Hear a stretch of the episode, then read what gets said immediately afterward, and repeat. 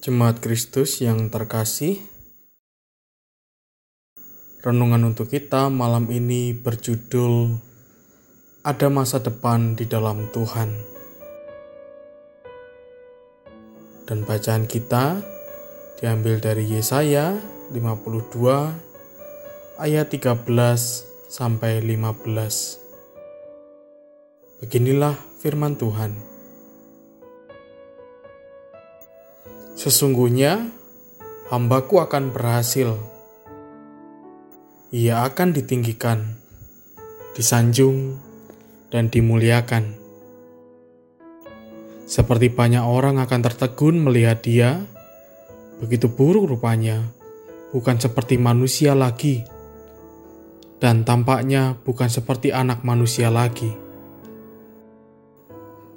Demikianlah ia akan membuat tercengang banyak bangsa raja-raja akan mengatupkan mulutnya melihat dia.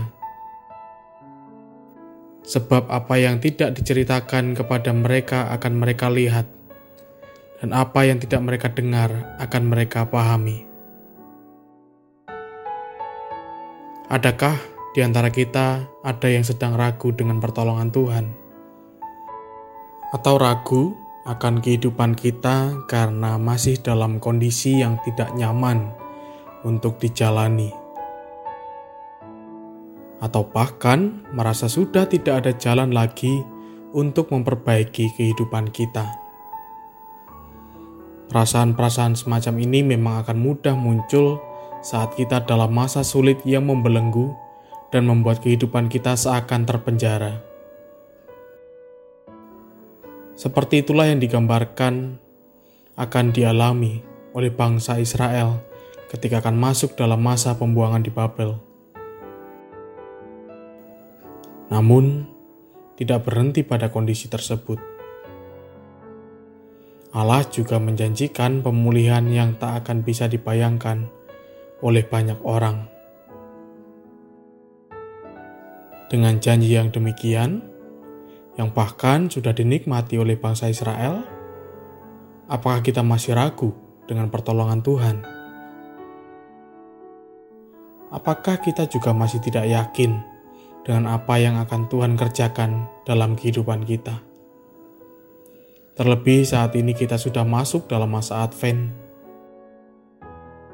masa di mana kita menantikan kehadiran Tuhan untuk kedua kali dan juga sekaligus merayakan kehadiran Tuhan di dunia untuk menyelamatkan kita. Kita sudah menerima keselamatan dari Allah jaminan kehidupan yang tidak dapat diukur dengan apa pun. Marilah kita terus berharap kepada Tuhan. Taruhlah pengharapan kita hanya kepada Tuhan.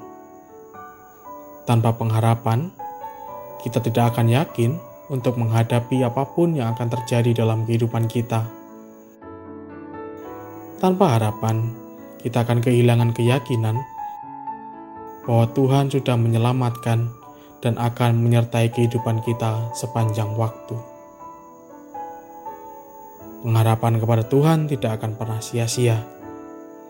Percayalah masa depan ada untuk setiap anak-anaknya. Demikianlah renungan untuk kita malam ini. Semoga damai sejahtera dari Tuhan Yesus Kristus tetap memenuhi hati dan pikiran kita.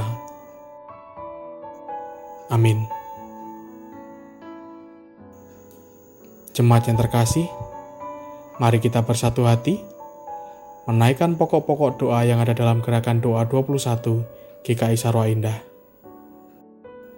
Mari berdoa.